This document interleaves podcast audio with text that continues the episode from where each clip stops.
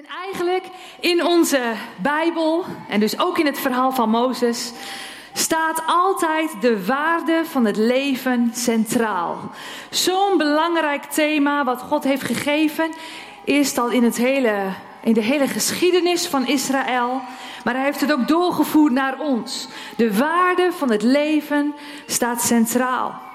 Toen God de aarde schiep, toen schiep hij de mens en hij zei: Het was heel goed. Daarvoor schiep hij dieren, schiep hij de natuur. En iedere dag keek hij weer met ogen vol liefde naar zijn schepping. Het was zeer goed. De waarde van het leven hebben wij meegekregen van die God. Hij heeft dat over ons uitgesproken, over ons stuk voor stuk, zoals we hier zitten. Waardevol. Wij, onze gemeente heet ook niet voor niets Waardevol Leven Gemeente. En dat heeft daarmee te maken. Ieder leven is waardevol. En eigenlijk is dat gewoon een isteken wat daartussen staat. Als je zegt het leven, dan staat er een isteken, is waardevol. Dus hoe je er ook bij zit vandaag, hoe je je ook voelt, wat je van jezelf vindt of wat je van je buurman vindt, ook niet onbelangrijk. Het leven is waardevol. Geen twijfel over mogelijk. We hebben er in al die liederen die we net zongen, was er niets anders waar het over ging. Het leven is waardevol. En vanuit die relatie die God toen al bedacht had, hoe hij met zijn schepping om wilde gaan, vanuit die relatie, daarin is alles gestoeld. Dat is de basis. Het leven is waardevol. En juist omdat dat zo'n belangrijk thema is, wil ik hem ook even opschrijven. Want eigenlijk in alles wat we doen hier vandaag is het goed om, ook als je iets ziet staan, om je daar steeds weer aan te herinneren. En ik hoop dat het goed te lezen is. En zo niet, dan mag je het onthouden. of zelf ook even opschrijven. Oh, ik zie het al inderdaad. We moeten dikkere zwarte stiften kopen. Nou, maakt niks uit. Ik heb het opgeschreven, dus het staat er en het is zo. Het leven is waardevol. En we lezen daarvoor eerst een stuk, om bij het verhaal van Mozes weer te komen, een stuk uit Exodus 2. En als je een Bijbel bij je hebt, mag je het even opzoeken. Het is echt voor in je Bijbel, hè? Genesis, Exodus. Vorige week ging Wiebrand eh, heel mooi eh, al die, het hele Oude Testament door. In één ratel. En ik hoorde meerdere mensen na die tijd zeggen: Oh ja, dat heb ik vroeger ook geleerd. En het Oude Testament ging nog wel. Dat was nog te doen. Maar het nieuwe, hm, daarom blijven we vandaag lekker in Exodus. Vooraan, Exodus 2. En we lezen vers 1 tot 10. En eigenlijk is het ook goed om even een klein stukje hiervoor, even je te herinneren wat er hiervoor is gebeurd. Het verhaal van Jozef is net afgesloten. Jozef, die door zijn broers in een put was gegooid, omdat ze jaloers op hem waren. Jozef die werd verkocht aan handelaren uit Egypte en hij werd meegenomen naar Egypte toe. Hij zag zijn familie uiteindelijk weer. Die kwamen ook allemaal in Egypte wonen. Maar die familie was op dit moment ja, gestorven. Ook Jozef was gestorven. En er was een nieuwe farao aan de macht. Dus niet meer die farao waar Jozef onder werkte. En waar Jozef aan het hof had gewerkt. Maar er was een nieuwe farao aangesteld. En die farao zag dat het volk van Israël, wat door Jozef dus was meegenomen naar Egypte, dat dat groot was geworden en talrijk. Dat ze maar doorgroeiden. Er kwamen baby's, niet normaal zulke grote gezinnen. En hij vond het spannend. Hij dacht, wat gebeurt hier? Dit wil ik niet. Vanuit angst kon hij niet meer zeggen, het leven is waardevol. Vanuit angst voor, stel je voor dat er dat ze zich tegen ons uh, op gaan zetten. Dat ze een gevecht aangaan of dat iemand een ander land ons binnenvalt en dan gaan zij zeggen: ja, wij staan achter jullie. Het leven, hun leven is niet meer waardevol. Alle jongetjes moesten sterven. En dat was de geschiedenis waarin Mozes geboren werd. En Hoofdstuk 2, vers 1. Een man uit de stam Levi trouwde met een vrouw uit diezelfde stam. Zij werd zwanger en bracht een zoon ter wereld. Het was een mooi kind. En ze hield het verborgen drie maanden lang. Toen ze geen kans zag haar zoon nog langer verborgen te houden, nam ze een mand van papyrus, bestreek die met pek en teer, legde het kind erin en zette de mand tussen het riet langs de oever van de Nijl. De zus van het kind ging een eind verderop staan om te zien wat er met hem zou gebeuren. Even later kwam de dochter van de farao naar de Nijl om te baden, terwijl haar dienaressen langs de rivier heen en weer liepen. Zij ontdekte de man tussen het riet en liet die door een van haar slavinnen halen.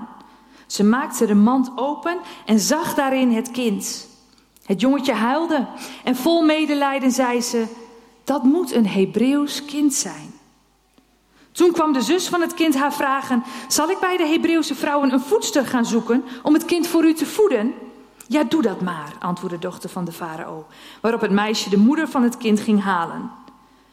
De dochter van de farao zei tegen de vrouw: Neem dit kind mee en voed het voor me. Ik zal u ervoor betalen. De vrouw nam het kind mee en voedde het. Toen het groot genoeg was, bracht ze het naar de dochter van de farao. Deze nam het kind aan als haar eigen zoon en ze noemde hem Mozes. Want, zei ze, ik heb hem uit het water gehaald. Dus die naam Mozes betekent uit het water getrokken. Dat is wel heel bijzonder. Uit het water getrokken. Dat is ook wat we vandaag gaan doen. We gaan ze uit het water trekken, er doorheen halen.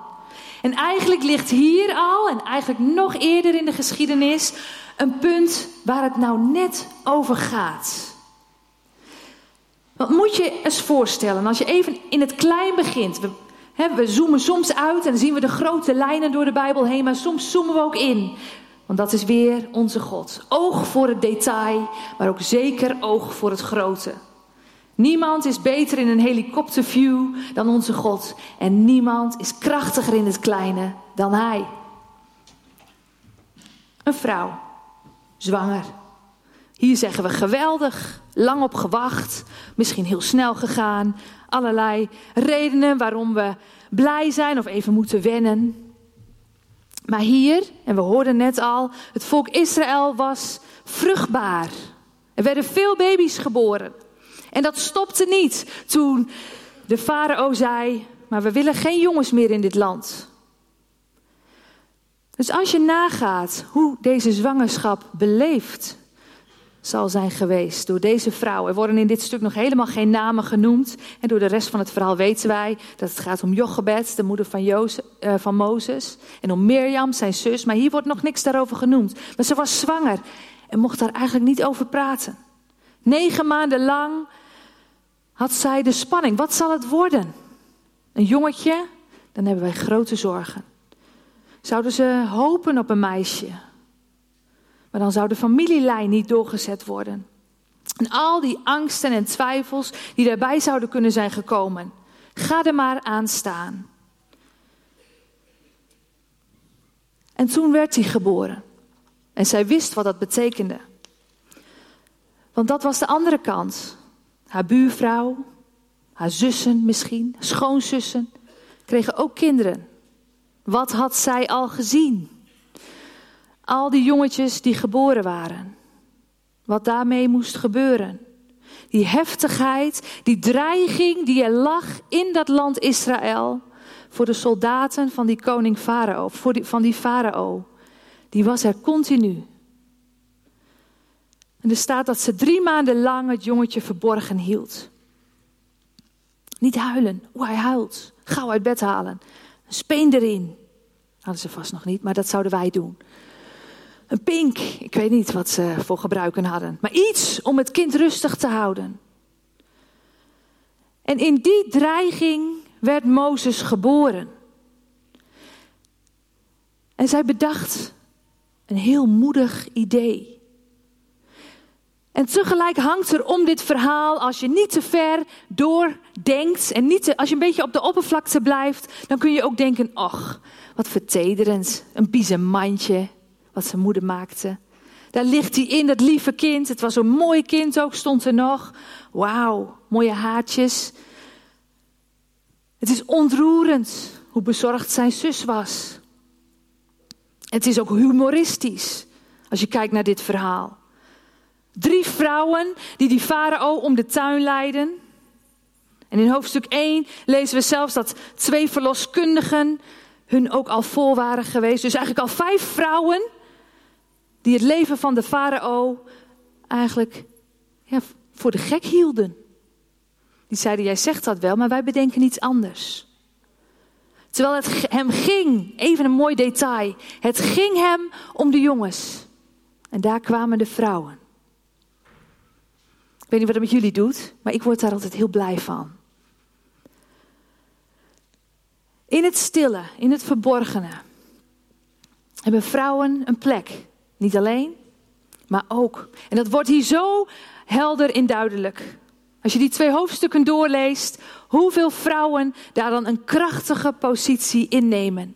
Het is echt goed om dat eens te lezen en ook dat te zien. En ook te weten wat het voor jezelf betekent. Ha jongens, jullie zijn er ook. Gezellig. We hebben hier wat bankjes voor ze neergezet, zodat ze zelf ook uh, uh, van dichtbij het kunnen meemaken. Dat is belangrijk. We zijn nog even bezig met het verhaal van Mozes. Weet je nog, Mozes in dat mandje. Dus daar gaan we nog even mee verder, oké? Dan gaan we straks uh, hier bezig. dus vertederend, ontroerend en humoristisch is het verhaal van Mozes als je er oppervlakkig naar kijkt.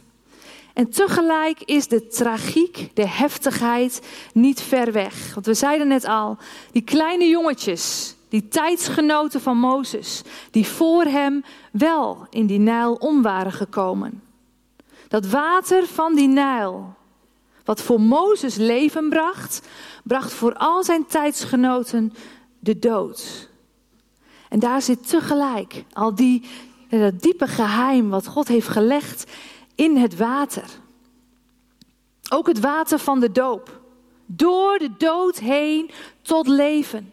Want Mozes heeft niet gewoon maar geluk gehad dat hij daaruit werd gehaald. Nee, al die jongens daar voor hem waren verbonden in zijn redding. Want niets staat op zichzelf. Alle levens, ook die van Klaas en Aniek, we gaan straks hun verhaal horen. Hoe ze tot vandaag zijn gekomen. Dat staat niet los van andere mensen in hun leven. Niet los van hun voorgeslacht. Niet los van hun vrienden. Niet los van hun werkervaring. Het heeft van hun opleiding. Het heeft allemaal met elkaar te maken. Want alles werkt daarin mee. En zo was het ook met Mozes. Iedereen die hem was voorgegaan. Sorry, voor jullie is dit voorgegaan. Ik uh, moet het even vanaf de andere kant doen. Iedereen die hem was voorgegaan, telt mee in zijn bevrijding. Zodat hij de eerste kon zijn om het volk straks uit Egypte te leiden. Om dat wat na hem was, om daar ook een rol in te spelen. En als we dit weer horen en we gaan terug naar het leven is waardevol, dan heeft dat alles te maken met de erkenning die dat leven krijgt. De farao gaf geen erkenning, een minnetje. Die zei: Het leven is niet waardevol. En we zien in het leven van Mozes dat er dan dus iemand nodig is. Iemand is nodig om die erkenning weer terug te brengen. Dus zo werkt alles in elkaar door. En hier in het leven van Mozes zien we dat heel erg duidelijk. Hij moest de eerste zijn, niet los dus van zijn voorgeslacht, niet los van wat er na hem gebeurde, om de rest van het volk mee te nemen. Dus die drie vrouwen waar we het net over hadden, ze worden maar kort genoemd. Een belangrijke plek hadden ze. En dat geldt ook vandaag de dag nog. Ook al kun je soms het idee hebben, waar sta ik nou eigenlijk? Wat beteken ik voor iemand? Hij of zij heeft, en noem maar op, iets groots waarvan jij denkt, dat ben ik nooit. Maar je hebt altijd een rol daarin. Iedereen die je kent. In die levens speel je een rol, hoe klein ook, of hoe groot. Om die persoon daar te brengen waar hij of zij vandaag is. En dat geldt natuurlijk ook vooral ook voor jezelf. Iedereen om jou heen heeft er mee voor gezorgd dat jij vandaag bent waar jij staat. En dat is zoals God werkt. Zo heeft hij het bedacht. Wij zijn waardevol. Onze levens, onze relaties zijn belangrijk. En het was zeer goed, zei hij. En iedere keer zorgt hij ook weer voor een oplossing. En in deze situatie, door Mozes in dat mandje, in dat kistje, op dat water te laten drijven.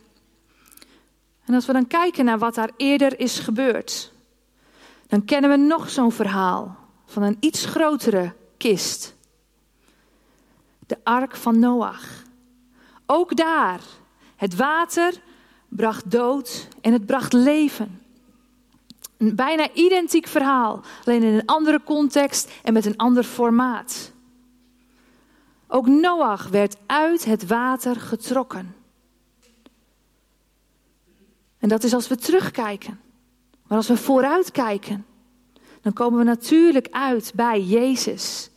Uit het water getrokken, door de dood, stond hij op en bracht hij leven.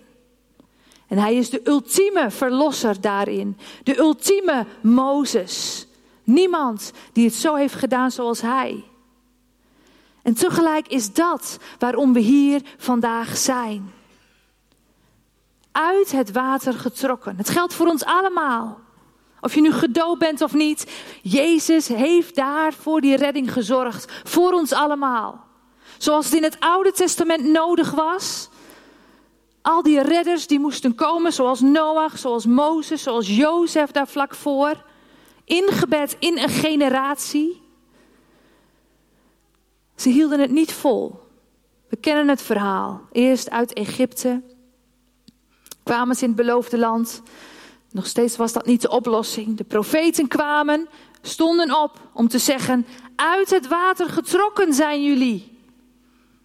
Het hielp niet. Er was nog maar één oplossing. En dat was dat God zelf naar de aarde kwam. En dat water, dat water waar Mozes op dreef, waar zijn tijdgenoten in waren gestorven, waar Noach op dreef die de hele aarde verwoestte. Leven en dood. Dat is een realistisch en symbolisch is het niet te missen waar het over gaat. Wij zijn geboren uit water. Weer die zwangere moeder. Ze had een bolletje water in haar buik en daar dreef die baby in. Die vliezen moesten eerst breken voordat die baby ter aarde op deze wereld kon komen. Daar begon het al met dat water. We drinken water. We bestaan voor het merendeel uit water. We wassen ons ermee en de natuur groeit en bloeit bij de gratie van water. En die waterverhalen in de Bijbel, die worden gelezen en uitgelegd al eeuwenlang als verhalen over de levensreis van de mens. Het varen op leven en dood. En dat, daar is Jezus' naam onlosmakelijk aan verbonden. Want dat water als symbool voor het bekrachtigen van die waarheid. Om te zeggen, het leven is waardevol en we erkennen dat. Wij gaan aan die kant staan zoals God dat heeft bedoeld. Dat water is het symbool van leven, van vrijheid. En tegelijk van een diep besef wat het Jezus gekost heeft. Wat hij daarvoor over had. Iemand was nodig om die erkenning volledig terug te brengen. En hij heeft dat gedaan.